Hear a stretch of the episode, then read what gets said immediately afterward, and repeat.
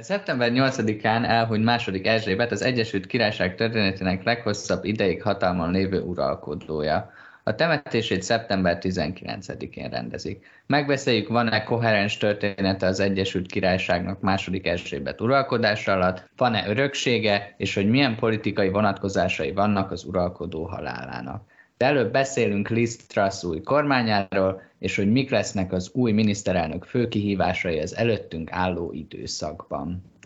És akkor kezdjük is ezzel. Ugye talán igazából az első kérdésem hozzátok, hogy a, amikor az eredmények kijöttek, ugye a Trust nagyjából olyan 57 százalék 57-43 arányban nyert a Rishi Sunak ellen. Ez azért egy picivel szorosabb, mint, mint az előzetes jóslások mondták. Ti meglepődtetek ezen, hogy ez szoros volt, vagy, vagy azért benne volt a pakliban? Engem egy kicsit meglepett, egy picit kevésbé szorosra vártam, de azért, hogy is mondjam, hogy ez ilyen tori láthatóan tét nélkül tori belháborút egy idő után, mert nem, nem követtem annyira, hogy, hogy különösebben hitelesen tudjam képviselni azt, hogy, hogy, hogy, hogy mit vártam, mert igazából már annyira nem, nem volt érdekes, hogy éppen hogyan licitálnak egymás alá adó, egymás fölé adócsökkentésben, vagy hogy hogyan bizonyítják be, hogy melyikük a nagyobb brexiteres kis, kisebb vók, bár egyébként ez a vók tém, ez aztán szerencsére végére pont egy talán hagyott, szóval, hogy igazából így, így ez, ez, nem volt más, egy ilyen érdekes konfliktus a végére, hiszen úgyis mindenki tudta, hogy Trust fog nyerni. Lehet, hogy egyszerűen azt szeretném, hogy annyira elbíztuk, hogy már annyira egyértelműnek tűnt, hogy Trust nyer, hogy 57-43 ez, ami egyébként egy nagyon kényelmes győzelem, az hirtelen már, már egy ilyen meglepően kis aránynak tűnt, hiszen mindenki azt gondolta, hogy itt egy ilyen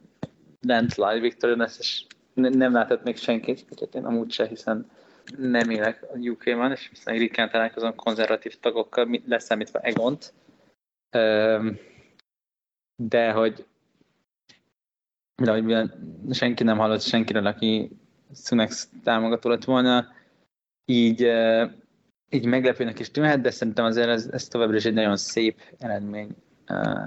Trásznak. Azt tegyük hozzá, hogy Boris Johnson az ennél lényegesen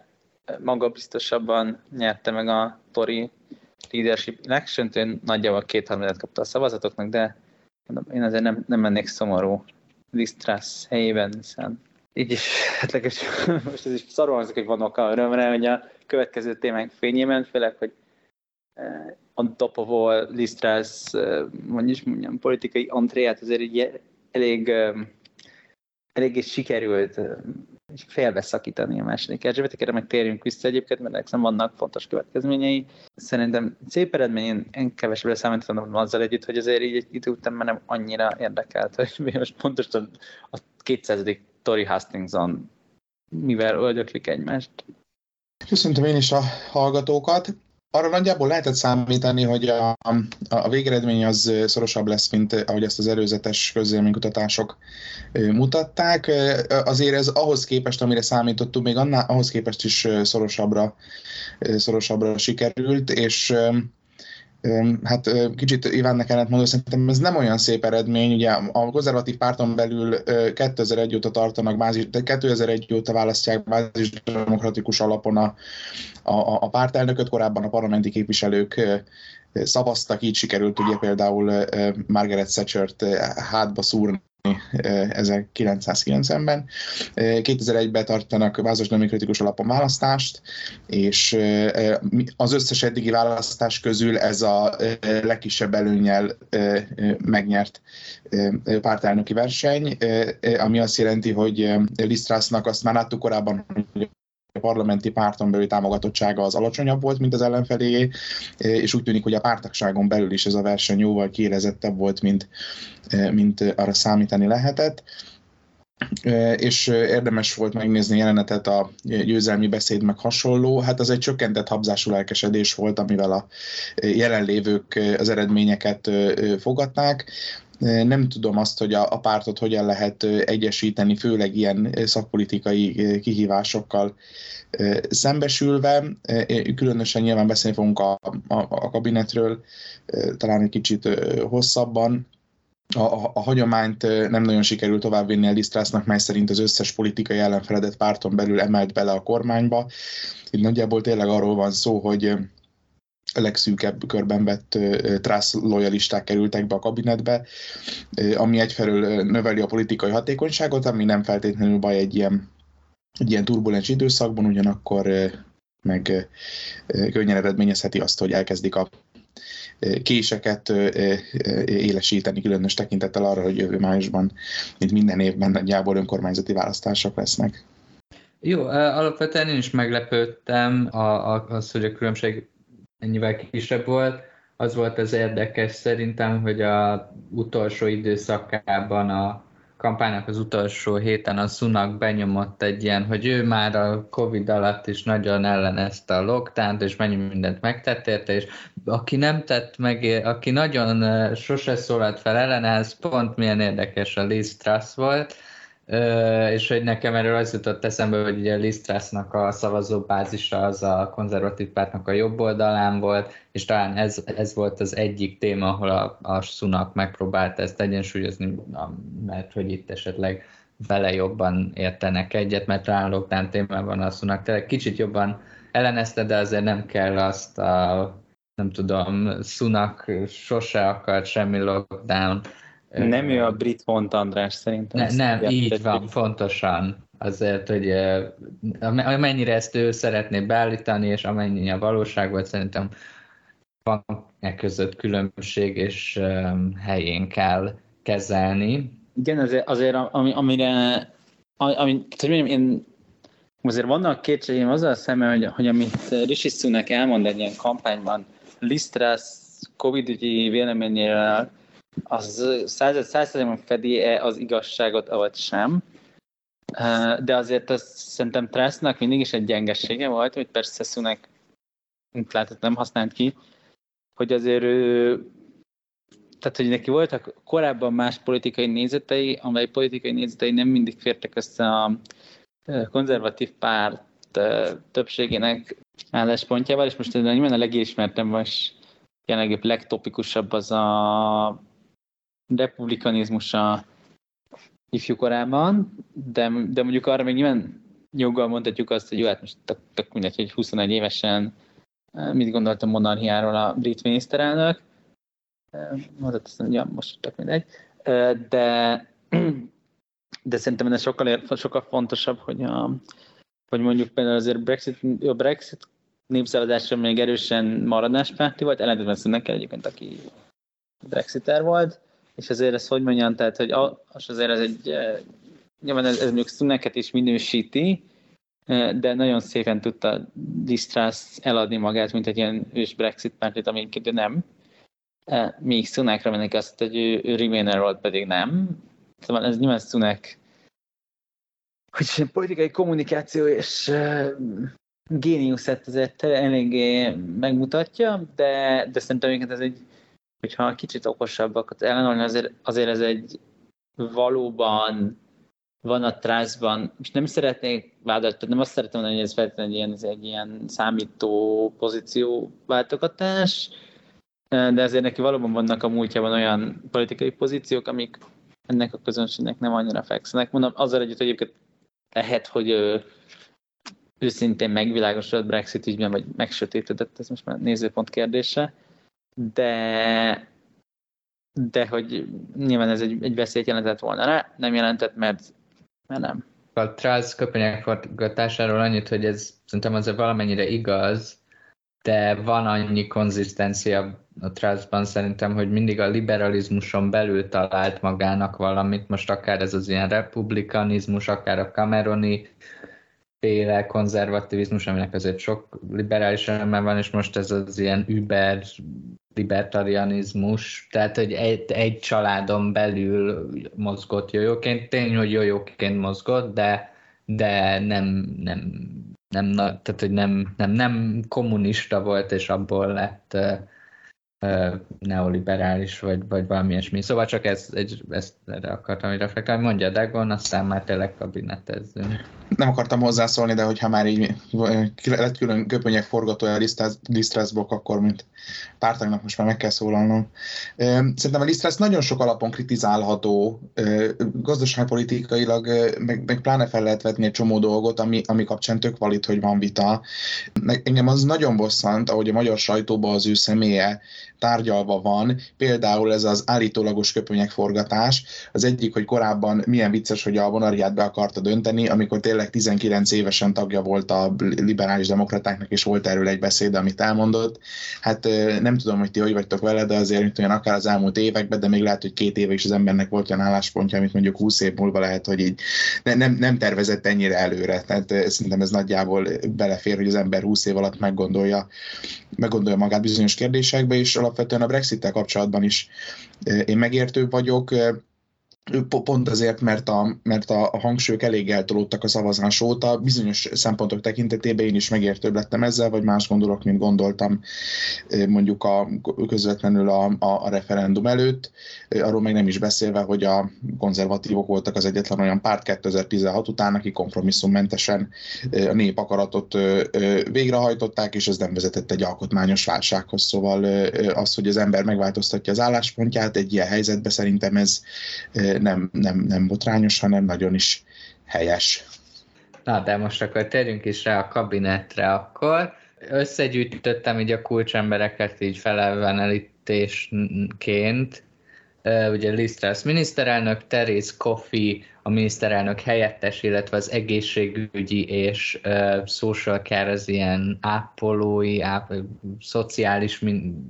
államtitkár, Kwasi Kartang lett a pénzügyminiszter, James Cleverly lett a külügyminiszter, Suella Braverman lett a belügyminiszter, Ben Wallace maradt a védelmi miniszter, Brandon Lewis az igazságügyi miniszter, Nadim Zahavi a Chancellor of the Duchy of Lancaster, amit szerintem egy volt adásunkban ilyen kancellária miniszter, Lázár János, Gulyás Gergely féle szerepként Szerintem a, a legjobban egyébként az írja le, hogy, hogy, hogy az, a, tehát az a fajta ilyen Lázár Gulyás Gergely, amikor így megkapja, megkap valamit, ami fontos, de semmi, senki más az nem illik. Tehát hogy ez egy ilyen kicsit ilyen flexibilis, tehát van egy, kapsz egy címet, és aztán nagyjából eldől, hogy pontosan mi is a te feladatod. Igen, és aztán ugye több ellenfelét a Trust nem nevezett pozícióba, de, de Penny Mordont, aki ugye a harmadik lett ezen a választáson, ő a Leader of the House of Commons lett, aki gyakorlatilag ő szervezi a House of Commons kormánya kapcsolatot, a kormány és a House of Commons közötti kapcsolatot, és ő szervezi ezeket az üléseket. Um, Alok Sharma maradt ez a COP26 elnök, ami, ha jól emlékszem, ez egy ilyen környezetvédelmi izé, illetve Iván kedvenc kinevezése, a Jacob Rees-Mogg lett az energia és ipar ügyi emberke, illetve Kemi Bain-nok, aki szintén indult ezen a választáson, a, a nemzetközi kereskedelemért felelő államtitkár, illetve akit én még kiemelnék, az a Chris Heaton Harris, aki az északír államtitkár lett, akiről azt kell tudni, hogy ilyen nagyon radikálisan EU-szkeptikus ember, tehát ugye sokszor beszéltünk arról, hogy a sok Brexit vita az az ír határon zajlik, vagy a határon, aminek nem szabad, hogy léteznie, nem szabad léteznie az Ír-szigeten, és hogy ezt lehet hozzáállásban talán következtetni, hogy ez ehhez hogy akar a jelenlegi brit kormány állni. Öm, nektek ki a legérdekesebb ö, ezekből a figurákból, ki a legérdekesebb kinevezett, kit hiányoltok? Én, én személyekben nem is mennék bele külön-külön, mert tudjátok, hogy mérsékelt jelentőséget szoktam ennek tulajdonítani, inkább az összkép, ami érdekes szerintem. Amit említettem is az előbb, hogy, hogy az tényleg egy bevett gyakorlat, különösen krízis helyzetekben, hogy a, a, a fő ellenfeleidet az beemelt a kabinetbe. Ezt a Margaret Thatcher is megcsinálta, utálták egymást a Michael Hazeltine-nal, mint az állat, de Michael Hazeltine ott volt a Thatcher kabinetben egészen addig még aztán egy ilyen elég kínos ügy kapcsán nem, nem távozott a kabinetből. Jelenleg ez nem történik meg. A, a Lisztrászt az különös gonddal kipurgálta az összes Rishi Sunak támogatót egészen zavarba ejtően a, a junior szintekig lemenően, ami, amit említettem is előbb, egyfelől stabilitást ad, másfelől meg, meg politikai támadásoknak elég könnyen kiteszi az embert. Azt is el kell mondani még a kabinetről, hogy egy-két személyt leszámítva és most kimondottan a Ben Wallace-re és a Jacob Rees-mokra gondolok, akik a párton belül is nagyjából széles körbe támogatottak, és elég látványos karakterük van, vagy, vagy van valami plusz a személyiségben, ami alkalmas vezetővé tenni őket. Nem nagyon akad érdemi kihívója Lisztrásznak, tehát nagyjából így le lett kicsit fokozva ez a dolog, és próbálja kizárni a versenyt, szóval közvetlenül nagy fenyegetés nincsen, ők pedig ősi szövetségesei mind a, mind a Rizmo, mind pedig a, a hadügyminiszter Ben Wallace. Ez is érdekes. És még egy dolog, remélem, hogy az összes vók hallgatónk nagyon elégedett a kabinettel, ugyanis az első alkalom az Egyesült Királyság történetében, amikor a négy legfontosabb pozíció, a miniszterelnök, a pénzügyminiszter, a belügy, illetve a külügyminiszteri poszton nincsen fehér férfi, úgyhogy győzött a forradalom, és hurrá, hurrá, remélem, hogy erre számítottak. Biztos minden vók hallgatónk nagyon örül annak, hogy Lisztrasz kormány van. Igen, igen, de hogyha szeretnék ezt az örömet megtartani, akkor ne, ne, ne menjenek fel a Braverman Wikipedia oldalán a Views szekcióba, mert akkor lehet, hogy, a, lehet, hogy már a vók öröm, amit az, az, az, már, az, az már így eloszlik, mert azért Meket amúgy, de mindegy, most nem... Bocs, Iván, és mindjárt mond, hogy mit gondolsz erről a kabinetről, csak egy dolgot azért ez még szeretnék hozzátenni, hogy jó, ez így tényleg vicces, hogy van egy ilyen ideológiájú, de alapvetően ilyen sokszínű kabinet, viszont a, én azt látom a brit liberálisokról és a brit baloldaliaktól, hogy ezt azért szeretik elsumákolni, hogy most már ez nem érdekes, én itt én itt egy darab piros pontot adok a konzervatív pártnak, ez alapvetően tényleg fontos, nem csak osztály alapján lehet diszkriminálni embereket, hanem bőrszín és nem alapján is, és ez is egy nagy probléma, de ez úgy ebben a kabinetben tényleg nincs jelen, úgyhogy ezt, ezt én elismerem, mondom, egy piros pont jár tőlem. És Igen, akkor egyéb, jöhet. Egyébként azzal együtt, hogyha elkezdenénk, hogy is kapirgálni ezeknek a valóban nem fehér és vagy nem férfi vezetőknek az osztályhelyzetét, akkor azért megmondom, kevésbé lenne divers ez a kabinet, de szerintem is egy piros pont, és itt valóban egyre látványosabb, amit egy némiképp joggal szokás felhozni, hogy, hogy a Labournek még nem volt női vezetője, ugye most már Liz Truss a harmadik, néhány éven belül egyébként a második nő a konzervatív párt élén, és, és valóban azt hiszem pont ebben a, tehát pont ebben az ilyen nem fehér férfiakat rakni az érre témában a Labour kevésbé jó, bár ugye például a deputy leader, az most már a második nő deputy leader azt hiszem a toriknak az még nem volt. Take that! Hát igen, azért főleg, erről szerintem már korábban is beszéltünk, hogy amikor Starmer eh, legyőzte tehát azért, amikor a Starmer lett az ilyen viszonylag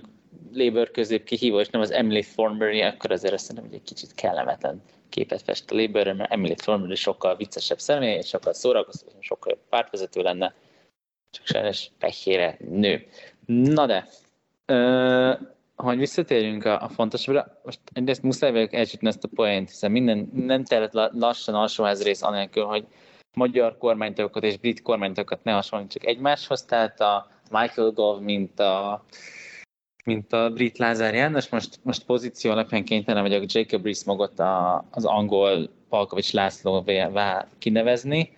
Ez remélhetőleg megtiszteli, hiszen mind a ketten ipar, iparügyel és energetikával foglalkoznak a kormányon belül. Egon látom, hogy rázza a fejét. Nyilván, mint karakterek nagyon mások, de a portfólió az hasonló. Egyébként szerintem Jacob Rees-Mog egy szörnyű kinevezés, ennek vannak ilyen ilyen problémái, nem vagyok meggyőződve Jacob Rees-Mogg, hogy is mondjam, a megfelelő irányba terelni a ilyen zöld, zöld szempontból, a brit kormány energiapolitikát, ez az egyik fele, meg iparpolitikával sem vagyok meggyőződő, hogy ilyen írtózatosan itt nem valók tennem, mondjuk szerintem Jacob Rees-Mogg, hogy is mondjam, nagyon kevés dolgot tudna tenni szívvel, amivel én egyet értenék, ez, ez, ez, ez, ez szóval ez nyilván ne, ne, nem egy elemzési kérdés, hogy egyetértek a Jacob Rees-Moggal, ami, ami miatt nekem furcsa, Jacob Rees-Mogg, aki tagadhatatlanul a legarisztokratikusabb figura legalábbis a konzervatív párt első vonalának, főleg úgy, hogy most Boris Johnson ugye onnan eltávozott, de egyébként eddig is, és kifejezetten van egy ilyen jobb indulatúan bohókás, angol, pos arisztokrata figura imidzse. Itt ezt kifejezetten furcsa tartom, hogy ő fog a kormányban, ugye ő, ő lesz az ember, aki az energiáról beszél, hogy olyan fizetni a rezsijüket. Ez nekem egy ki, nagyon furcsa választás, ezt rábízni arra az emberre, aki, hogy is mondjam, nem biztos, hogy hitelesen tud a, nehéz, a, a megélhetési nehézségekről beszélni. Ez egyik. Egyébként, ha már e, tudom, hogy ebből erre fog kezdeni körbe, szerintem a legnagyobb kíváncsi az a megélhetési válság lesz a transz kormány, legalábbis így a belátható távon. Ami nekem még érdekes, az egyik az az, hogy Teres Coffey, mint miniszterelnök helyettes, engem meglepett meg a legjobban, részben azért, mert a Cleverly, uh, Kwasi Kwarteng, um, Swella Braverman hármast azért ezt egy jó egy hónapra előre lepletykált a brit média, uh, tehát nem, nem okozott különösebb meglepetést, hogy őket, őket helyezte a, ebbe a pozícióba. Trust, nem Johnson mondtam.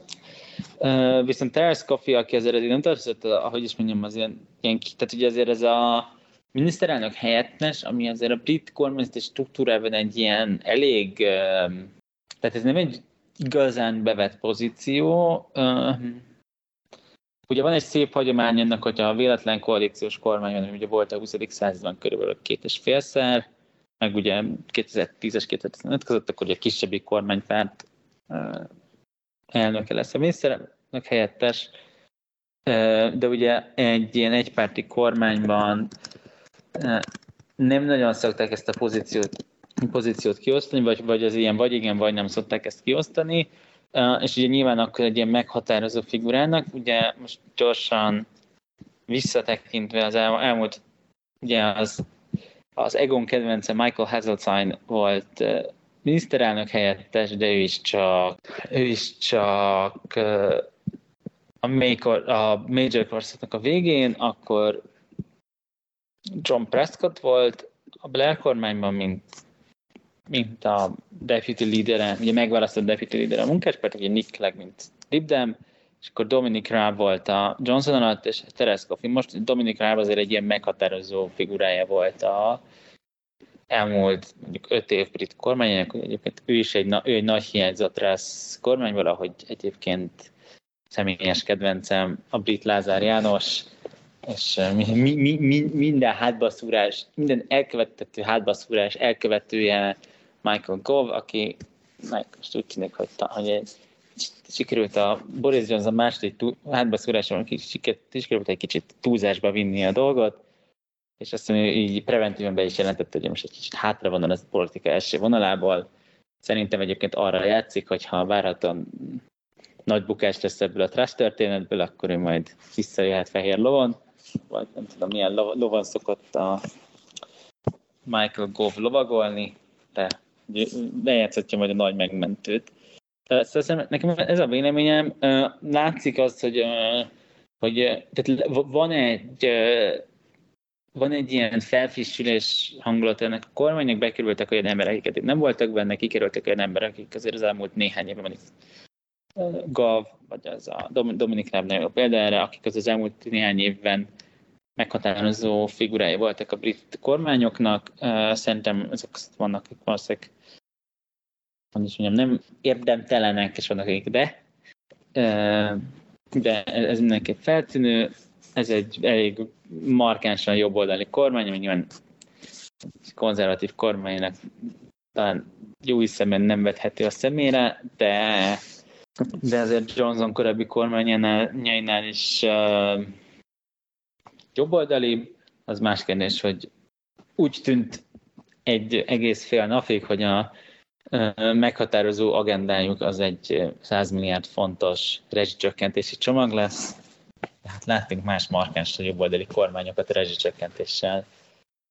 nyomulni kicsit közelebbi országokban, mint az Egyesült Királyság, szóval még a talán ez sem. Magyar hallgatókat ez se lepheti meg annyira. Nekem, aki ö, érdekes ebből a kabinetből, vagy a legérdekesebb, szerintem az a Kossi Kwarteng, aki írt ö, egy könyvet, Ghosts of Empire, vagyis hogy a Birodalom szellemei címen, ami állítólag, ö, ez egy történelemkönyv, a a Kossi Kwartengnek gazdaság történetből van PhD-je, és írt egy könyvet ezzel a Birodalom szellemei címmel, amiről állítólag még a szak, tehát hogy a történészek is azt mondják, hogy egy érdekes munka, és egy tudományosan nagyra értékeltő munka. És, és megfogalmaz benne kritikát a birodalommal szemben, és ez érdekes, hogy ez az ilyen vók ellenes háború, ami így ezeket a kicsit birodalom bűneit a, el akarja söpörni a napirendről, és annak ellenére most itt van Kassi Kvarteng, aki írta ezt a um, könyvet, úgyhogy um, szerintem ő az érdekes, illetve Suella Braverman, aki ugye azt hittük, hogy uh, Priti Patel a nagyon jobboldali belügyminiszter, hát most megszívtuk, mert van egy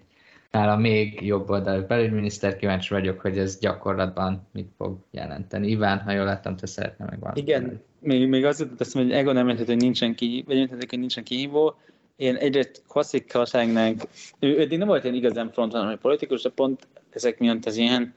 Ugye látható, valószínűleg neki tényleg van esze, ezért, ezért lehet, hogy fel tudja magát húzni. Um, egyébként elnézést kérem, Boris Johnson meg Churchillről írt könyvet, amit magyarul is elolvasattak, és hogy full circle-be kerüljenek a kedvenc politikusaim, mondjuk Boris Johnson pont nincs köztük. Ezt Lázár Jánosról is tudjuk, hogy már olvasta, szóval uh, egy Jó, de azért azt nem mondják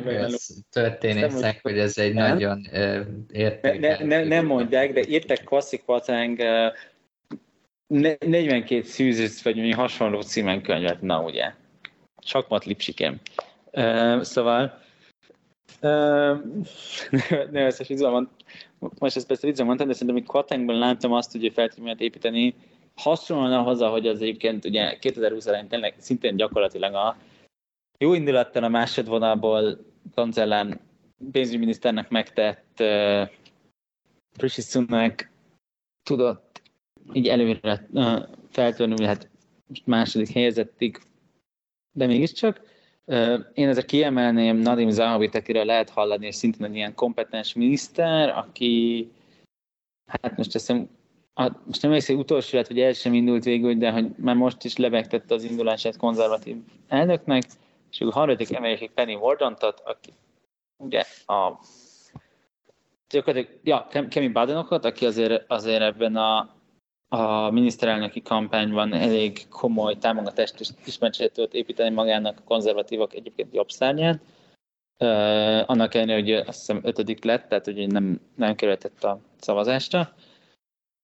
Ezért is látom, aki volt, illetve azért ne felejtsük el Penny Mordon, aki harmadik lett. Én úgy vagyok vele, hogy valószínűleg olyan lesz, mint legutóbb volt Jeremy Hunt, uh, aki aki második volt, tehát hogy bejutott a, a szavazásos körbe legutóbb, ugye ismételően úgy működik a konzervatív választás, hogy szavaznak a, a parlamenti képviselők, amik nem maradnak ketten, és róluk szavazza a teljes pártagság. Ehm, de a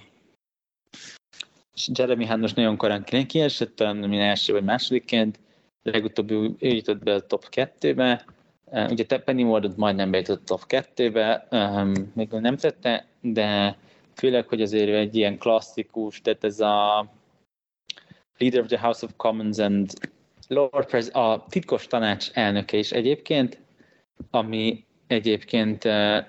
így normál esetben nem egy fontos pozíció, de szerintem az elmúlt héten ő szerepelt a legtöbbet a kormányból, mert ő iktatta be az új királyt, Um, és szerintem én is most szembesültem vele, hogy van egy ilyen pozíció, hogy mondjuk a Lord President of the Council-nak van bármi értelme, de van. Um, igen, én ennyit szerettem volna mondani. még róluk szemben ők azok ilyen potenciális kívok lehetnek, de valóban abban, abban egyetértek, hogy azért az, az, azért az ilyen hagyományos, konzervatív nagyvadak azok eltávoztak ebből a kormányból, csak én azért látok én embereket, akik, akik ez új konzervatív nagyvadakként tudják magukat pozícionálni majd Leader of the Oppositionnek 2024-ben. Jó, akkor uh, szerintetek mik lesznek mondjuk így rövid távon az első évben ennek a, az új kabinetnek, meg Trussnak magának a legfőbb kihívásai? Én azt gondolom, hogy, hogy alapvetően három fő kihívással szembesül ez a kabinet. Az elsőt hívjuk mondjuk úgy, hogy közpénzügyek, és ez nagyjából azt akarná, hogy meg kellene valósítani a kampány során tett ígéreteket, ezt legutóbb részletesen tárgyaltuk, ez leginkább adócsökkentési lépéseket foglal magába, ami érinti, pontosabban nem is adócsökkentési, hanem a, a, a már behirdetett adóemeléseket törölné el, vagy fordítaná vissza. Ez egyfelől érinti a társasági adót, másfelől a társadalombiztosítási járulékot, illetve az energiárakra kivetett zöld adót ennek a nagyságrendje költségét tekintve olyan 30 milliárd font, amire elméletileg legalább részletesen van valamennyi fedezet a brit költségvetésben, mert mivel, mivel a, a pénzügyminisztérium elméletileg elkalkulálta kicsit a, a, a bevételi pályát, úgyhogy ez elméletileg még belefért volna a programba. Valószínű, hogy ez így ebben a formában nem igaz, de, de még hogyha mondjuk csak félig fedezi, akkor sem az a akkor sem jelentett volna nagyon nagy plusz kiadást az a, az a 15 milliárd font, ez még önmagában nem, nem borítja meg nagyon a költségvetést. A második fő kihívás az az, az energiaválság, vagy megélhetési válság, ez a dolog nagyjából összefügg, és ennek is nagyjából két oldala van. Az egyik a keresleti intézkedések, a másik a kínálati intézkedések. Kezdjük a kínálatival, mert az a rövidebb talán egészen meglepő fordulatok voltak, hogy Lisztrász például bejelentette, hogy megszüntetik a országosan érvényes tiltását a rétegrepesztéses földgáz kitermelésnek. Ez az, amit a amerikai diskurzusokból szoktunk hallani, hogy fracking, és ezt nagyon gonosz energiacél és a republikánusok szokták szeretni. Ez nagyjából, tehát megszűnik ez a, a, ennek a betiltása országos szinten, és azok a közösségek, ahol egyébként ennek van támogatottsága, ott ezt egyfő engedélyezik, ami remélhetőleg majd növeli az elérhető földgázmennyiséget, másfelől pedig felgyorsítják az északi tengerolaj kitermelését azzal, hogy a több, több, és több licenszet és gyorsabban adnak ki az esetleges kitermelőknek. Nyilvánvalóan hozzá kell tenni, és ez kritika tárgy is volt a kabinettel szemben, ezt maga a pénzügyminiszter a korábban említett Kwasi Kárteng már korábban is említette, hogy ez rövid távon ettől nem várható az energia, vagy a, a földgáz kínálatnak a növekedés, de hosszú távon mindenképpen segíti az átállást, és azért azt hozzá kell tenni minden zöld lendülettel szemben, hogy rövid távon maga, hogyha a kőszénről vagy, vagy, vagy bármilyen szennyezőbb energiahordozóról a földgázra történik átállás, már az is jelentős csökkenést eredményezhet széndiokszid kibocsátás terén.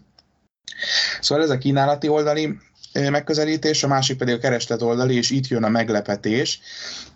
amit Iván is említett, ez a bizonyos ársapka, amit az energiaárakra ki fognak vetni. Ugye szénylegesen úgy néz ki, hogy itt is van egy maximált energiár az Egyesült Királyságban, de ez, ez kicsit más, mint a, mint a magyar maximálás, vagy a hát rezsicsökkentés mondjuk ki, hát hiszen ezt a nevét adták neki a szülők. Elméletileg ez, ez a, eredetileg ez az ármaximálás az azért született meg, hogy különböző rejtett költségekkel a szolgáltatók ne tudjanak, ne tudjanak trükközni, de most itt tulajdonképpen a funkcióját is elnyeri, mert a piaci energiárak e fölé kezdenek el mozogni, ami azt eredményezi, hogy ez a séma masszívan veszteséges lenne, hogyha nem emelkedne meg maga az ársapka is, és ténylegesen úgy néz ki, hogy az ársapkának a jellegi szintje az évi szinten ilyen 1980 font körül van, és ezt emelnék most nagyságrendileg olyan 3500 fontra, ami érezzük, hogy közel a, az energia számlának a duplázódását eredményezni, hát nyilván ezt nem lehet csinálni, még hogyha egyébként csökkentik is a zöldadót, és van is egy átmeneti segítés, segítség, amit a Rishi Sunak jelentett be, úgyhogy maximálják végül is ezeket az energiárakat 2500 fonton évente. Na most ugye felmerül a kérdés azonnal, hogy oké, okay, de akkor mi van a különbözettel? Ugye Magyarországon ezt az állam elnyeri el, nem elnyeri, hanem elnyeli, remélem mindenki jól értette, mert nagyon nem mindegy. Ami azt jelenti, hogy nagyjából az állami tulajdonú MVM-men keresztül az állam ezeket a veszteségeket felszívja. Na most ugye ezt nem szívja fel, ezért történt meg a csökkentésnek a bekorlátozása itthon. A briteknél egyelőre nem derültek ki a részletek, de azért a dolog nem annyira egyértelmű, mint például a magyar esetben.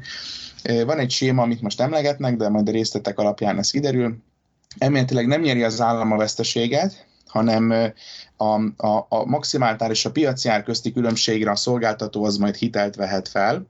amit az államnak vissza kell fizetni a későbbiekben, és elméletileg, hogy nyilván ennek ez ténylegesen egy veszteség legyen, a későbbi energia árakat fogja megemelni, tehát kvázi a mostani ármegugrást azt a jövőben kisebb mértékű emeléseken keresztül nagyjából elsimítja. Ez egy okos megoldás, hogyha ez így lesz, nagyon remélem, hogy így lesz, mert egyfelől az, ez nem jelent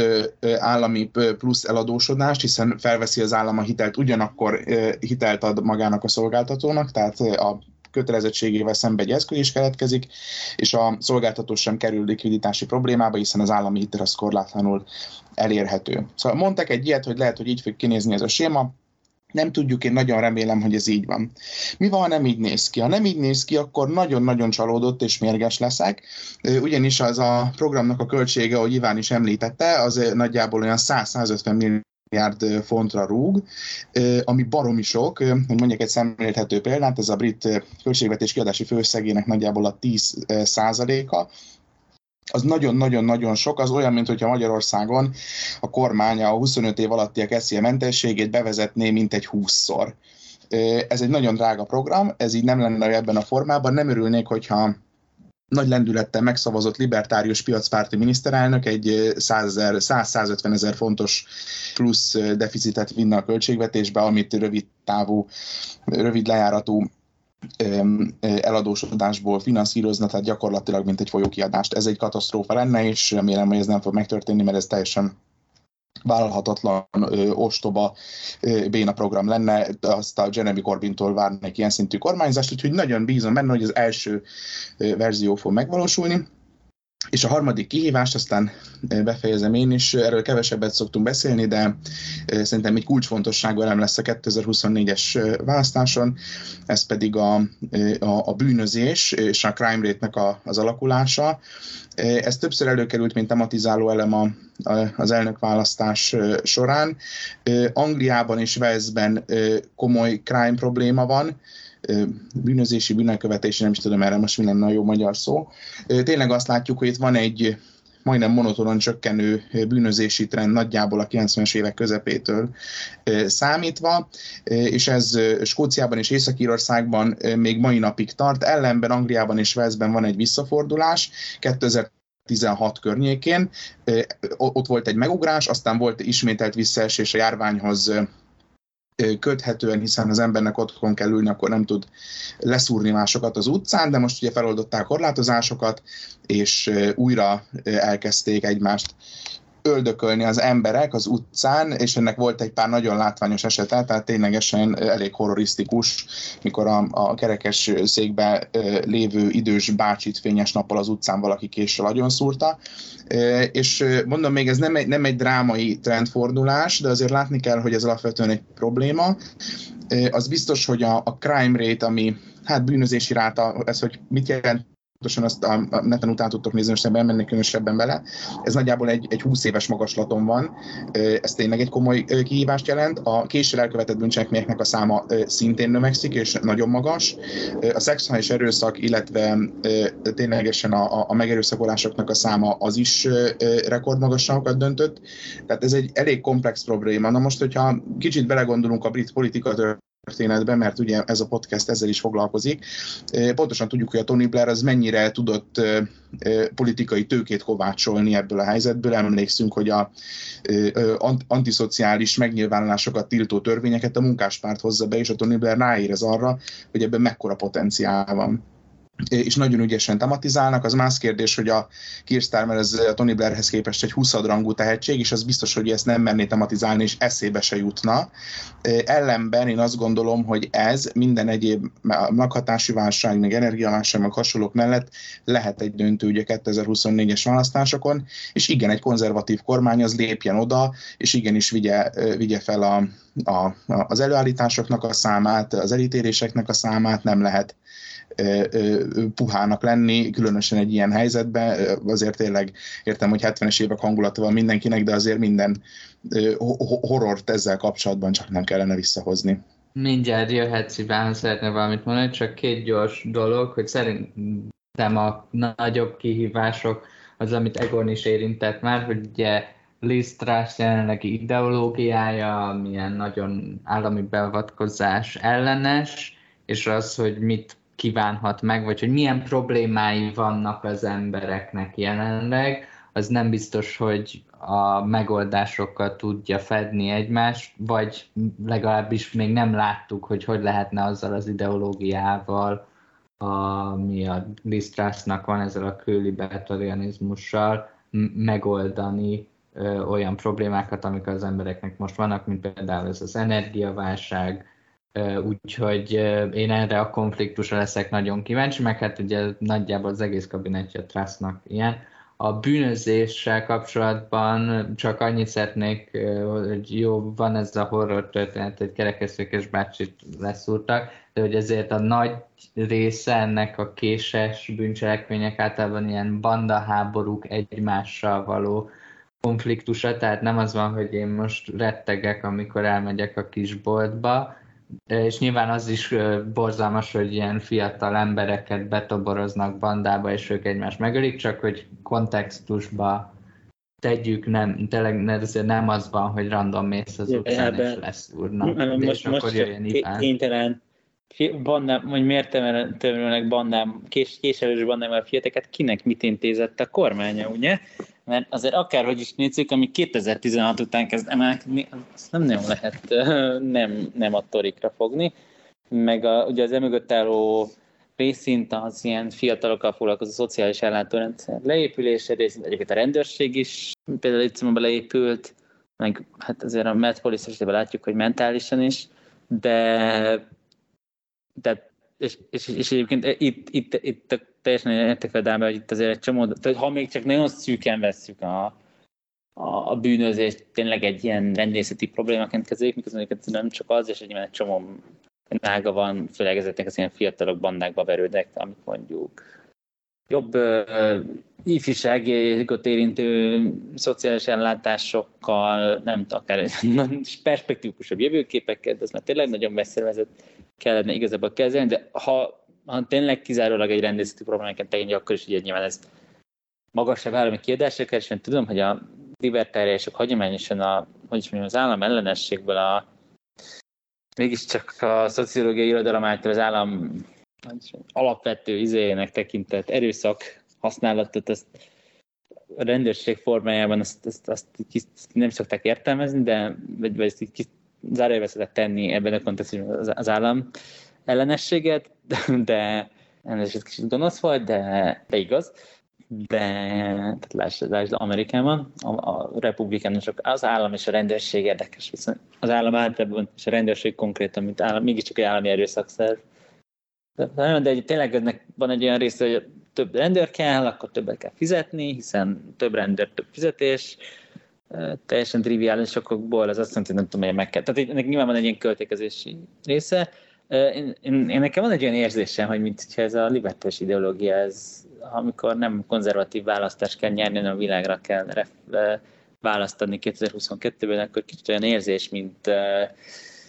mint amivel a, a munkáspártot szokás például a 80-as években, hogy nagyon jók voltak ideológiai, tehát nem koherens ideológiai képik, csak sajnos ez már a korral nem, nem, nem, nem rezonált, vagy és egyébként szerintem ez a 80-as munkáspártja kevésbé igaz, mint a mai konzervatívokra. Én egyébként nyilván nem fogok veletek vitatkozni, nyilván a nagy kihívás az a energiaválság, megélhetési válság, amire ugye most viszonylag gyorsan lépni is, mert az Egon által említett elég drasztikus energiaár növekedés, vagy egy energiasapka növekedés az október 1-től jön be, és, és mindjárt visszatérünk. Ugye elég magas az infláció, ez nyilván magyar hallgatóknak szintén elég ismerős lehet, és ahogy Magyarországon, vagy az Egyesült Királyságban is azért így az hasonló országok között hasonló országokkal összevetve elég magas az infláció, elszabadult a lakhatási válság, szinte mert valamelyikötök egy fél mondatban kitért, és szerintem ez az, ami, amire nagyon nehéz lesz a konzervatív pártnak választ adnia. Mondan, es, esetleg nem azért a Szerintem az Egon remekül felsorolt, hogy mik azok a húzások, amiket nem szeret. Nem, nem örültem, hogy Jacob Rees-Mogg energetikai miniszteretben, nyilván ez nem Rees-Mogg személyétől függ, függ, függ, mondjuk a frackingnek a megnyitása, és, és amivel szerintem át is kötöm a második témánkra, hogy ugye ami miatt az Egon ennyire nem tudja, hogy hogy finanszírozzuk a rezsicsökkentést, amit állítólag október 1 be kéne vezetni, és ami miatt én nem is benne biztos, ez be lesz vezetve, hogy és ami, ami hát kicsit tiszteletenő, meg, meg, meg, meg nem is ilyen ízlésesen szóval elvitte a sót részben, nézve meg, meg vannak tényleg ilyen időben húzásai, hogy ugye a mostani jazz időszak miatt szület el a parlamenti munka, és hát ért, és utána meg a pártkongresszusok miatt fog szünetelni a parlamenti munka, és, és ennek van egy olyan következménye, hogy a, ugye pont szeptember 8-án, tehát a felvétel napjához képest már több mint egy hete bejelentett uh, rezsicsökkentési csomagról tényleg ilyen alapvető dolgokat nem tudunk, hogy hogyan lesz finanszírozva, mert ugye tudjuk, hogy az történt, hogy uh, bejelentett Lisztrasz a, a parlamentben a rezsicsökkentési csomagját, megkezdődött erről a vita, és akkor körbe ment egy ilyen suttogó hát ilyen, ilyen körbe suttogták egymásnak a képviselők, hogy... Meg egy cetli is volt. Az cetli, hát több cetli is volt, a munkáspárthoz és a Tori külön cetli, tehát mégse osztozkodhatnak a parlamenti patkókétől, nem ugye nem is patkó, hanem ilyen csak úgy nekem egymásra szemben. Szóval emiatt ez a téma most lekerült a napirendre, egyébként persze sok szempontból értető módon, vagy nem is értető, de aki ismeri a brit társadalmat, az érti, hogy miért és, és egy elég, elég konkrét értelemben nem biztos, hogy ez a csökkentési csomag ez időben el tudják fogadni, és ez akkor viszont, és ezért azt tegyük hozzá, ezt az Egon nem említette, hogy ugye,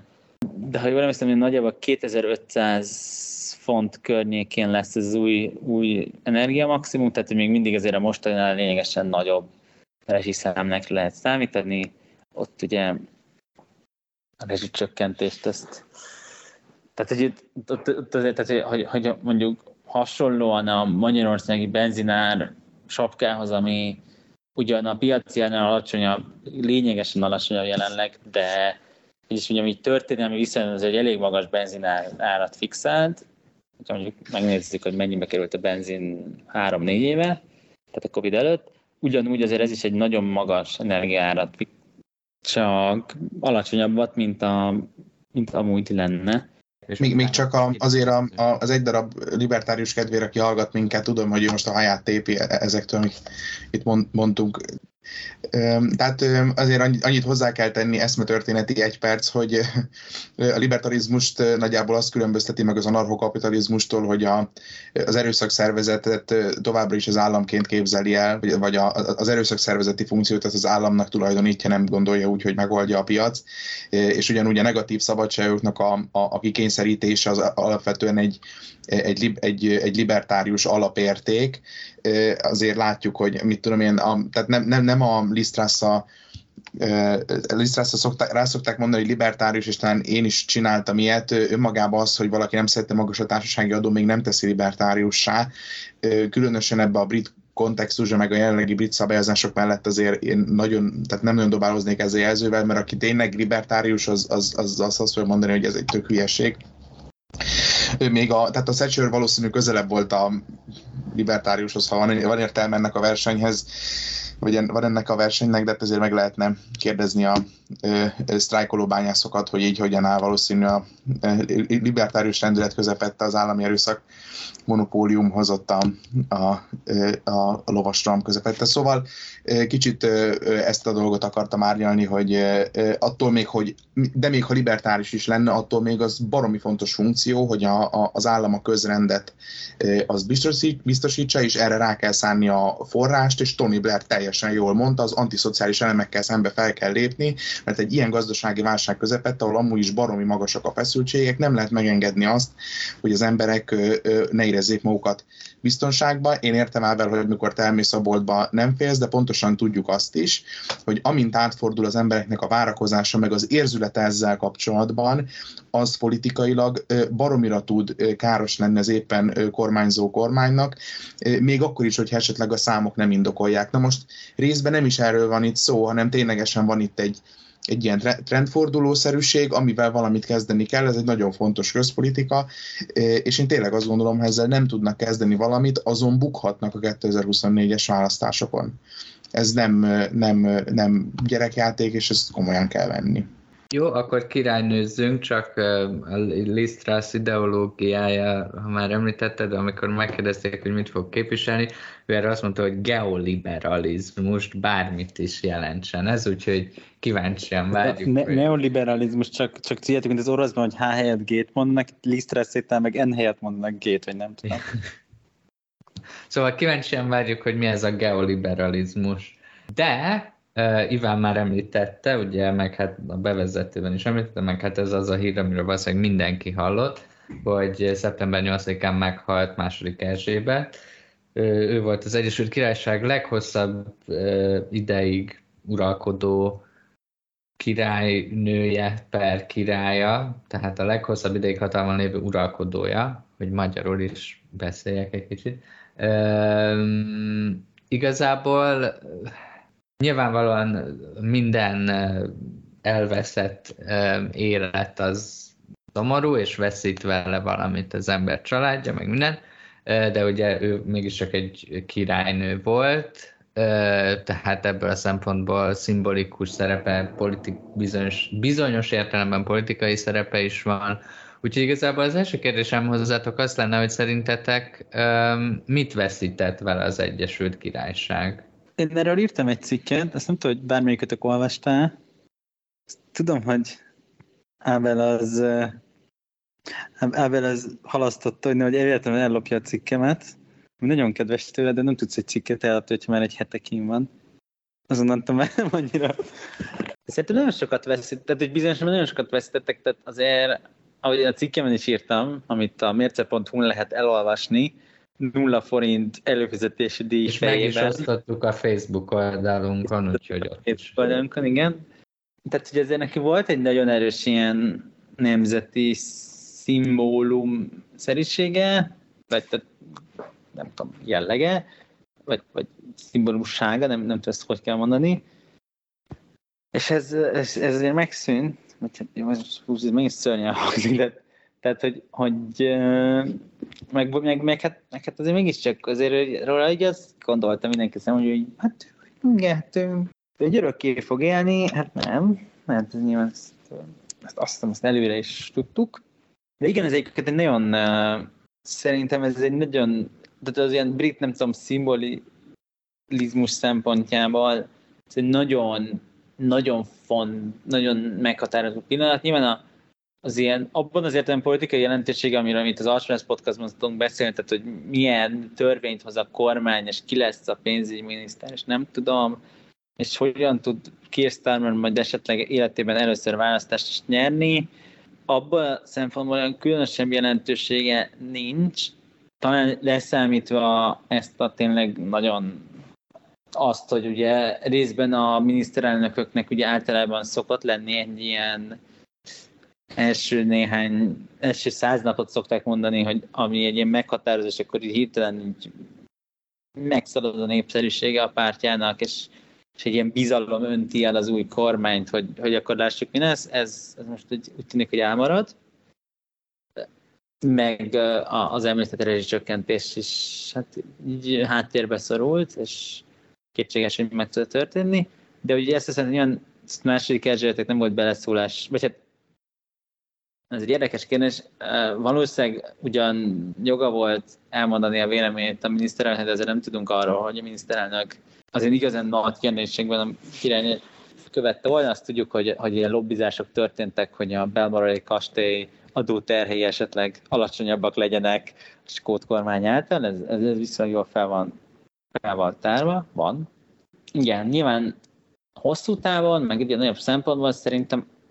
szerintem sok szempontból egy ilyen, ilyen korszakat tett, tehát hogy ilyen uralkodó hát nem lesz többet. Szerintem a harmadik Károly, Szatyros Karcsi, ahogy a 44.hu-n rendkívül ízlésesen megfogalmazták, halála szerintem kisebb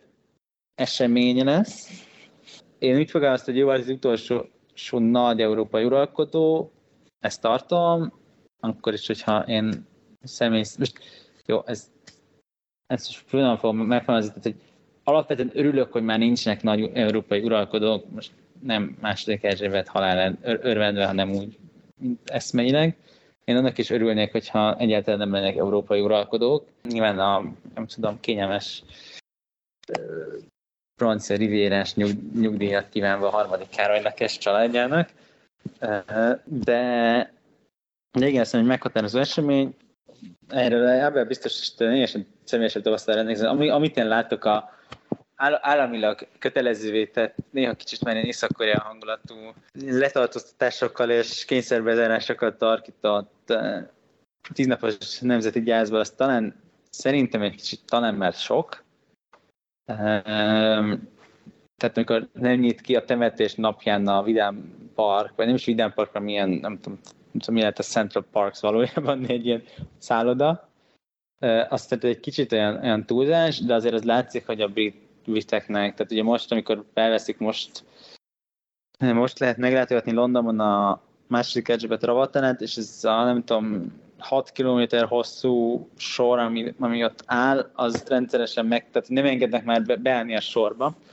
mert hogy a 6 km hosszan áll, de idő után már elkordonozás véget ér, és akkor már nem, nem tud tovább hova állni a sor, és hazaküldenek, tehát és, és, és tudom, hogy emberek tényleg képesek sok-sok-sok, nagyon-nagyon sok órát sorban állni a királynőn, ravattalán lerúhassák tiszteletüket, tehát hogy azért itt látszik, hogy tényleg nagyon sok embernek egy meghatározó esemény, és ezt nyilván nem szabad el, elpoénkodni, mert ez, ez tényleg egy, egy meghatározó esemény az Egyesült Királyság életében. Engem megérintett a királynő halála, halála személyesen is, Ugyanakkor elég beindult egy egészen érdekes vita vagy beszélgetés az elmúlt napokban, hogy, hogy mit is jelentett ő, és, és szerintem erről érdemes beszélni egy kicsit. Nehéz, mert én elég egy, egy köz, közpolitika központú ember vagyok, és a, a, a brit uralkodónak azért relatíve kevés ráhatása van a közpolitikára mondhatni gyakorlatilag szinte semmi, egy-két ilyen apró ügyet leszámítva. Ugyanakkor egy nagyon fontos szimbólum, és túlmutat az, azon az apróbb szimbólumokon, mint mikor amit akár politikai, gyakorló, politikusok éppen tesznek, hanem ténylegesen van valaki, aki megtestesíti az állandóságot 70 éven keresztül. Hát ne felejtjük el, hogy 52-ben vált Erzsébet uralkodó, és 53-ban volt a koronázása. És tulajdonképpen ő volt az utolsó nagy karakter tulajdonképpen a bolygónak az emberiséget, ha, ha más nem szimbolikusan összekötötte a 20. századdal, különös tekintettel a 20. század második felével, ami tulajdonképpen az emberiségnek az aranykora. És ez fontos, hogy, hogy tudatosítsuk, óriási fejlődésen ment át ebben az időszakban az emberiség, és valahogy az Erzsébet ennek szimbóluma volt, nem tett semmit azért, hogy közpolitikai értelemben, hogy ez így legyen, ugyanakkor mégis szerintem ilyen szempontból van jelentősége, ezért számít az emberiség számára. Ugyanúgy szerintem egy nagyon fontos szimbóluma volt a, a, a nyugati civilizációnak, mint olyannak, nem akarok a gyarmati nosztalgia hibájába esni, úgyhogy most ezt a részt itt inkább átlépem. És ugyanakkor nagyon fontos volt a britek számára, hiszen mégiscsak nagyon, azt hiszem önmagában érték, hogy a politikai csatározásokat, meg rezsimváltásokat, meg kormányváltásokon átnyúlóan valaki megtestesíti a nemzet egységét, és valójában megtestesíti a nemzet egységét. Magyarországon ilyen köztársasági elnök talán nem is nagyon volt. És ezzel a briteknek szerintem, szerintem hatalmas szerencséjük volt. Úgy szerintem Erzsébet hiányozni fog, hihetetlen volt az a teljesítmény, amit ő uralkodóként véghez tudod vinni. Tudom, hogy nem, nem sokan vagy kevesen értékelik önmagában, hogy valaki egy protokolláris szerepet 70 éven keresztül tudjon vinni, de szerintem ez, ez, ne, ez nem egy egyszerű feladat, és az Erzsébetes nagy, nagyon jól csinálta. Nagyon tudta, hogy mennyit lehet megengedni a bulvárnak, és ezt a, a bulvárral való érintkezést általában szabályozott keretek között zajlott, ami a királynőhöz kötődött, és nyilván nagyon látványosan az Erzsébet gyűlölte, mikor valaki ezekből a szabályozott keretekből kilép, legyen az a, akár a, a Diana hercegnő, vagy éppen a Megán herceg vágni, ahogy a Wikipedia cikke megnevezi. Ez, ez egy nagyon, nagyon ügyes művelet volt, és hogy kicsit ilyen gyakorlati dolgokat is mondják, mert ez is előkerült, hogy hát télen nem lesz mit enni, meg fűteni, bezzeg a királynő temetésére van pénz, azért ezt hozzá kell tenni, és ez már tényleg egy nagyon száraz gyakorlati szempont. Pusztán, ha közvetlen bevételeket és ráfordításokat nézzük, tehát a királyi birtokokra szánt kormányzati kiadásokat és a birtokoknak a bevizetését a brit költségvetésbe, csak a közvetlen elemeket, akkor is a királyságnak a megléte masszívan pluszos a brit állam számára, és hogyha még hozzánézzük a közvetlen bevételeket, meg a sok kis eladott csípcsup után származó bevételt, meg a turisztikai bevételeket, meg az, ami például most van Londonba, úgy továbbra, továbbra is masszívan pluszos, sőt, hát egyre inkább pluszos, úgyhogy ezeket az érveket egy-két Instagram ismerősömtől nem nagyon tudom komolyan venni. Úgyhogy Hát a végére kevésbé sikerült ünnepélyes ez a megemlékezés, de, de, de e, e, ettől függetlenül szerintem elmondtam, amit szerettem volna. És egy utolsó gondolat, aztán nyilván mindjárt... Azért, a, azért, azért erre eszembe jut a Marx idézet, hogy játszák, tehetnek úgy a torik, hogy ők a monarchia, meg a szép brit alkotmány, de azért végén mindig a profit, profit előbukkanott a motiváció között. És még egy dolgot szeretném. Én, mondjad, bocs. Én csak ezt tudom hozzátenni, azért azt én, én, én tényleg én nagyon rossz érnek tartom a monarchia mellett, próba egy kontra, hogy mennyibe kerül a királyi család, meg hát hogy mondjam, tehát nyilván sokba fáj a brit adófizetőknek ez a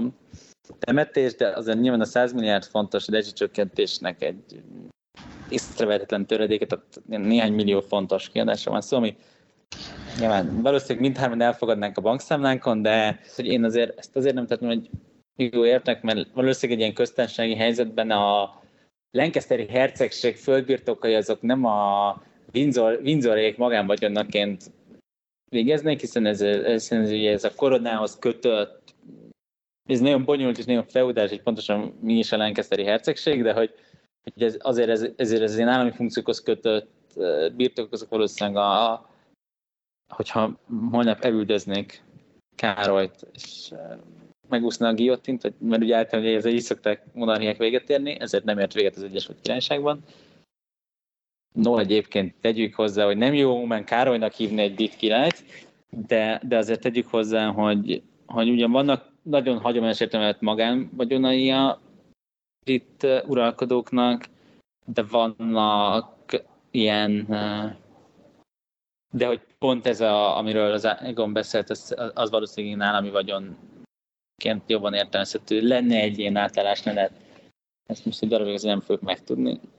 Igen, nekem az jutott eszembe, nagyjából érintettétek, de hogy azt hangsúlyoznám ki az Erzsébetnek az örökségéből, vagy az, mit veszítettek a britek közül halálából, hogy szerintem ő volt személyesen az utolsó ilyen nemzetegyesítő e, e, szimbólum, és hogy ugye az ebben az érdekes, hogy általában ez a monarchiának, tehát hogy a monarchia egyik funkciója az az lenne, hogy a monarchia legyen a nemzet egyesítő szimbólum, de hogy ez, ezen Erzsébet maga lépett túl, hogy ezért már vannak egy fokkal jelentősebb nem is republikánus mozgalmak, de monarchia kritikus mozgalmak a baloldalon belül, de hogy ezt mindenki tudta végig tulajdonképpen, hogy amíg az, az a királynő él, addig erre, ennek a megvalósítására esély nincs, mert ő túl népszerű ehhez. Tehát, hogy ő, mint személy tudott nemzetegyesítő lenni nagyjából, és igazából szerintem e, ez egy óriá, e, ezt veszíti a brita, ezt veszítik el a britek azzal, hogy meghalt. Mielőtt rátérünk az utolsó körre, hogy volt-e vajon... Tennünk hozzá, amit mondtál, Ábel, hogy azért sok más monarchia van Európában, tehát azért ez a, hogy van, Belgium, Hollandia, Spanyolország, a Benelux, na, nem, Benelux, ben, igen, a Benelux államok, a Skandináv ország, tehát azért vannak mint monarchiák Európában, meg egyébként szerte világon is, de amennyire tudom, és azzal egy kevésbé értem a spanyol politikát, mint a britát, de ezt a fajta ilyen nemzetegyesítő szerepet, ezt egyedül a második Erzsébet töltette be mostanában. Tehát Beatrix, holland királynő nem nem töltött be ilyen szerepet, és sem a mostani holland király, aki szégyenszem most nem ugrik be a neve, azt hiszem valahanyadik Vilmos, de, de, de nem akarok ezzel, ezzel felsülni. És, és szerintem ez, ez nyilván részben részben az ilyen írtatos mennyiség ilyen média hype-ból, ami körülveszi a királycsát is fakadott, de szerintem nagy részt Erzsébet személyiségéből, eleve abból, hogy ugye ilyen írtozatosan hosszú időszakot lefedett, uralkodott, részint a munkabírásában, mert ugye tehát, tehát ezért a szimbolikus államfő is, aki 90 akárhány évesen még mindenféle falusi könyvtárakat nyit meg, az azért, tehát ugye így, így lehet poénkodni, hogy királynak nincs munkája, és nyilván ebben van is igazság, de azért azért ez egy nagyon aktív élet, hogy úgy mondjam. Vilmos, Vilmos Sándornak hívják egyébként a holland királyt, kérlek szépen. Willem Alexander. Szóval Szóval szerintem ez egy, ez egy ilyen nagyon egyedülálló, legalábbis a legújabb kori európai monarchiák történetében nagyon egyedülálló szerep, talán a előző spanyol király Károly valami, nem vagy aki ugye a spanyol faszizmus lebontásában azért elég fontos. Tehát neki ezért egy elég primer politikai szerepe volt. Neki volt, lehetett még egy ilyen meghatározó szerepe, mint nemzetfő, csak ő aztán sajnos belebukott a korrupciós ügyeibe, kicsit leegyszerűsítve, és második Erzsébet meg nem bukott bele korrupciós ügyeibe. Szóval ez a veszteség, és akkor szerintem visszaadom a szót. Még egy dolgot akartam mondani, ami reflektál is arra, amit te mondtál be, úgyhogy szerintem ez egy érdekes szempont lehet. Egyfelől valóban az az Erzsébetnek az egyik fő teljesítménye, hogy személyében is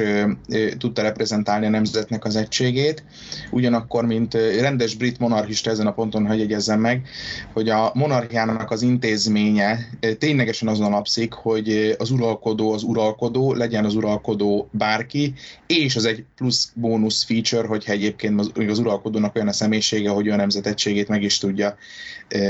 testesíteni. Pont ez a lényeg az egészben, és szerintem egyébként a Lisztrász beszédének a végén ez, ez egész hangsúlyosan kijött. Engem kicsit meglepett ez az állásfoglalás ezen a ponton, mikor ugye úgy zárja le a, a, a beszédét, hogy akkor, akkor, akkor fejezzük be úgy, ahogy maga királynő is tette volna, Isten óvda királyt. Ez egy ilyen kicsi, kis jelzésként értékeltem azon túl, hogy valószínű részben formaság is. Úgyhogy pont ez a monarchiáknak a lényege, és valamikor, ez, amint ez a dolog elkezd personalizálódni, onnantól kezdve talán egy kicsit veszít az értékéből, és ezt sokszor látom vélemények, véleményeken tükröződni az interneten, akik, tehát aki most jelenleg az az álláspontja, hogy jó, hát akkor meghalt Erzsébet, akkor be lehet dönteni a monarchiát, az nem, annak nem a monarchiához volt viszonyulása, hanem második Erzsébet személyéhez, mert, mert ő egy kedves nagymamaként lebegett a nemzet felett. Ami nem feltétlenül baj, csak, csak szerintem fontos, hogy ezt a két dolgot ezen a ponton elkülönítsük, és még egy kis vicces mondás a végére. Egész sokat gondolkodtam, egész jó kis gondolatkísérlet, ha mi történt volna, hogyha rendszerváltás környékén Magyarországon restaurálják a monarchiát, és mondjuk Habsburgottól lesz a, a, a, a magyar király egyébként jól beszélt már akkor is magyarul. A köztársasági elnökként bedobták a nevét, de nyilván az sem jött össze. Király lehetett volna, és lehet, hogy jobban jártunk volna. Megkockáztatom, hogy a Magyarországon a Habsburgok népszerűs, népszerűsége vagy népszerűtlensége az nem sokkal rosszabb, mint a jelenleg és a közelmúltban regnáló köztársasági elnököké és asszonyé. Igen, de azért az politikai egy kicsit nagyon tehát itt azért az is van a Habsburg nosztalgiában, hogy jó, de az osztrákok nem biztos, hogy boldogok lennének, hogyha visszahoznák a Habsburgokat, vagy a szlovák. Hát még a szlovákok De egyébként fun fact, a Bulgáriában volt egy miniszterelnök, igen, Simeon, akit uh, kicsit uh, Saxo Koborgockinak, bulgárisnak, egyébként ugyanez a Szászkoburg és Gotai család, mint a második Erzsébet is volt, mielőtt hazafiasokból nevet váltottak Minzorra, mert nem ő, hanem a ősei. Ő, ő egyébként 2001 és 2005 között bolgár miniszterelnök volt, és 43 és 46 között pedig bolgár cár. Tehát ez nem példátlan, hogy egy királyi család feje aztán a demokratikus politikában is sikerre vigye. Innen egyébként Magyarország is volt kísérlet a emlékezetes 2009-es MDF listán szerepelt Habsburg György, a utolsó magyar király unokája, Habsburg Otto főherceg fia. És nyilván ez is nem azt mondom, hogy egy sikeres politikai szírelépés volt, de azért a kis színes kedvért tegyük hozzá. Szerintetek, vagyis akkor záró körbe beszéljünk arról, hogy van-e, lehet-e a, a, az Erzsébeti kornak, vagy második Erzsébet uralkodása ideje alatt Nagy-Britanniának egy koherens története. És akkor kezdem én, ha már úgyis én beszélek. Úgy szóval szerintem van, de ez nem feltétlenül egy vidám történet, vagy egy pozitív történet a britek szempontjából, mert ezt szerintem, ha brit intézményeket nézzük, a, a, mondjuk ilyen ikonikus intézményeket nézzük, az mind sok szempontból egy hanyatlás, konzisztens hanyatlás történet. Lehet beszélni a birodalomról, hogy birodalomból először nemzetközösség lett, aztán hát még létezik nemzetközösség, de azért a relevanciája jóval kisebb, és lehet, hogy eh, például Ausztráliában konkrétan napirenden van, hogy majd valamikor szavazzanak arról, hogy köztársaság legyen, bár most ugye pont az Erzsébet halála miatt azt mondták, hogy ezt majd kicsit később. Szóval a brit birodalom volt ilyen, nyilván ez nem feltétlenül egy rossz dolog, hogy már nem létezik brit birodalom, de hogy a többi eh, intézmény Például, ha mondjuk a, az ilyen adott esetben a tradicionális munkát, vagy munkahelyeket, foglalkozásokat nézzük, mint a bányászat, és, e, vagy ilyen acélmunkás, városok, bányavárosok, és, eb, és belőlük fakadóan szakszervezetek, amik egy identitásképző erőműtek. Ez is ugye a 80-as években gyakorlatilag eltűntek. Aztán az anglikán egyház, aminek a befolyása folyamatosan csökken, és gyakorlatilag uh, haldoklik, uh, ha beszél anglikán uh, ügyekben jártas emberekkel, akkor nagyon sok helyen ugyanazt fogja visszahallani, hogy hogy egyre kevesebb ember jár anglikán templomba, és egyre több zár be, mert egész egyszerűen kihal a helyi közösség igazából az anglikán egyházat Nagy-Britanniában sok szempontból a londoni afrikai diaszpóra tartja életben, és könnyen lehet, hogy az anglikán egyház egyébként előbb-utóbb szakadni is fog a nyugati és afrikai között. Tehát ez is egy um, ilyen intézmény, ami hanyatlik, és konzisztensen hanyatlott. Illetve hát a monarchia maga, ez egy érdekes kérdés, hogy, hogy azt a népszerűséget, amiről beszéltünk az imént, amit Erzsébet magának meg tudott teremteni. Nem vagyok benne biztos, hogy, hogy az utódai képesek lennének rá, Plá, pláne mondjuk első körben így Károly, akinek azért a népszerűsége most megugrott nyilván, mert hát ez mégis egy emberről beszélünk, akinek az édesanyja meghalt, és akkor nem most kezdjük el anyázni nyilván. De hogy szóval ezzel kapcsolatban is jelentős kétségeim vannak. Szóval, ha kell konzisztens történetet találni, akkor igazából ez, hogy ezek a fontos identitásképző intézmények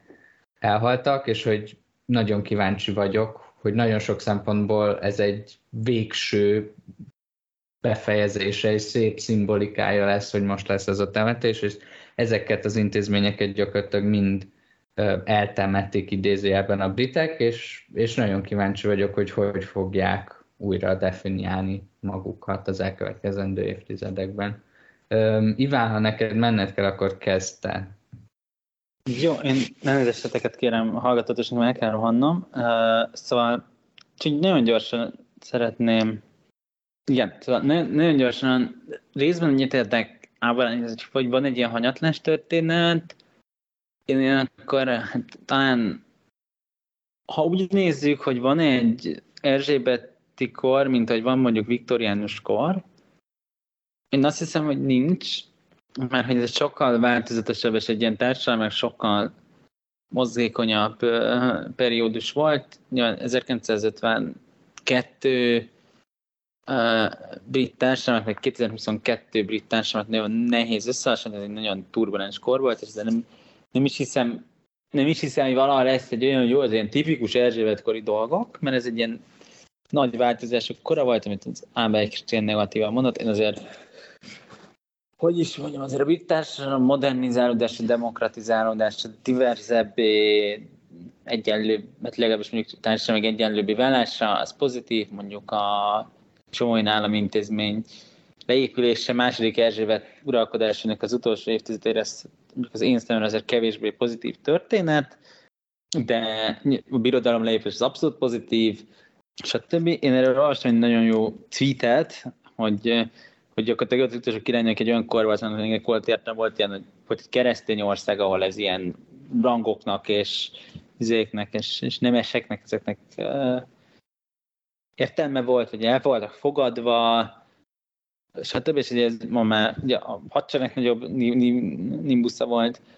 és ezek már nincsenek. Egyébként alapvetően az saját cikkemben, amit megint mindenkinek szépen ezt javaslom, hogy azért ezek már a monarchiának azért nem tudom, politikai és társadalmi értelme azért az egyre kevésbé van, és egyre díszletszerűbb ez az egész monarchikus dolog. Én akkor, amivel vitatkoznék, az áll veled, hogyha van, nem azt mondom, hogy korszak meghatározó dolga a második Erzsébetnek, de olyan dolga, amit igenis komoly személyes szerepe volt az az, hogy a monarchia úgy tudott a korszak tudott folyamatosan modernizálódni és változni, hogy közben ezt ceremoniális azért pompát ezt meg tudta tartani, ez valószínűleg nagy részben második Erzsébetnek, és hát ez furcsán fog hangzni, de politikai érzékének az eredménye, például hogy Diana után össze tudta kapni a monarchiát, Diana halálára lehet tudni, ez egy írtozós törés volt a brit nép és a második Erzsébet kapcsolatában, és ugyan és ugyan azt gondolom, hogy nagyon nagyon, hogy én egyetértek azzal, hogy, hogy nem láttam azt, hogy harmadikán egy ilyen meg, meghatározó szerepet betölteni, de, de az, hogy egyáltalán még monarchiáról beszélünk, és hogy harmadik Károlyt ugyanis fogják koronázni, mint nem tudom, Viktóriát, és nem csak beiktatási ceremóniában, mint Hollandiában, és hogy, és hogy ez egy ilyen, és a brit királyi család még, hogy egy kicsit ilyen celepkedősen is, de mégiscsak a brit életnek egy meghatározó szereplője, ezt szerintem abszolút második Erzsébetnek is, is jelentős módon az érdeme. E, és talán, hogyha van nem tudom, történelmi szerep, amit ő betöltött, az, az azt hiszem, hogy ez, mondom azzal együtt, hogy nyilván szemben már a monarchia talán már 1952 de ma már egy abszolút egy anakronisztikus intézmény, ami, ami azért, hogyha megnézi az ember, hogy hogyan is élnek valójában a britek, és ezzel szemben mi az, ami az egész monarchiahoz, akkor azért ott van egy erős erős feszültség, és bocsáss meg, de én, én eltávozom. Szia Iván! Akkor Egon, zár, zár le egy igazi, konzervatív monarchista monológgal. Jó, um, egyfelől, hogy, hogy van-e ilyen korszak, én azt gondolom, hogy ez, utól, ez utólag fog kiderülni, ezt most nem tudjuk megmondani, mert, mert tényleg pár nappal ezelőtt halt meg az uralkodó. Én azt gondolom, hogy, hogy hogy, hogy a következő évtizedek nagyon sok szempontból turbulensebbek és bizonytalanabbak lesznek, mint mondjuk az elmúlt 70 év volt,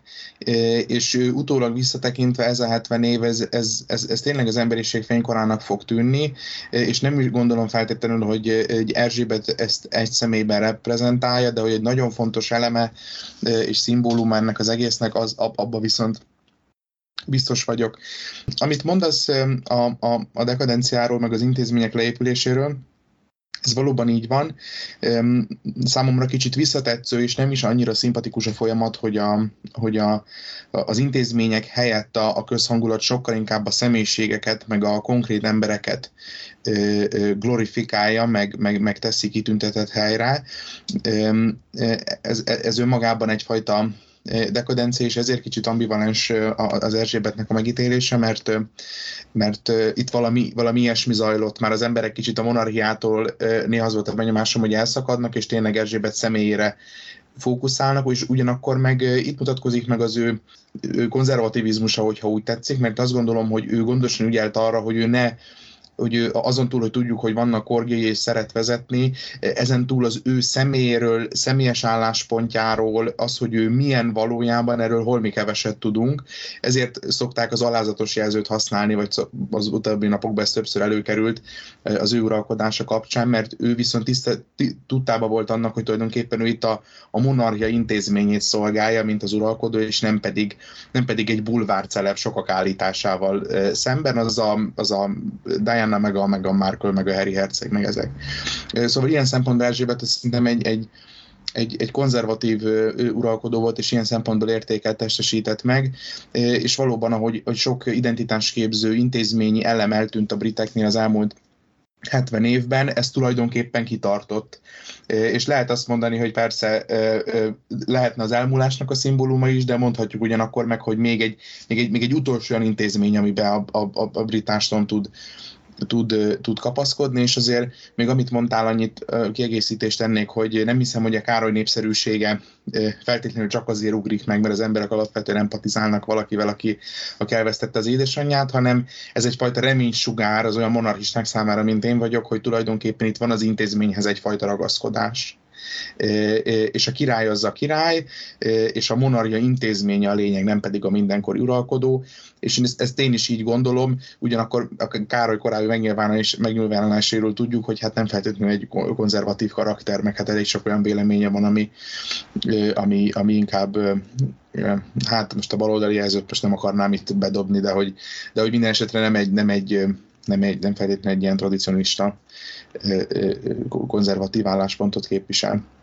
De ennek ellenére ő az uralkodó, és a monarchia lényege ez, hogy az uralkodó az uralkodó, és ez így van rendjén.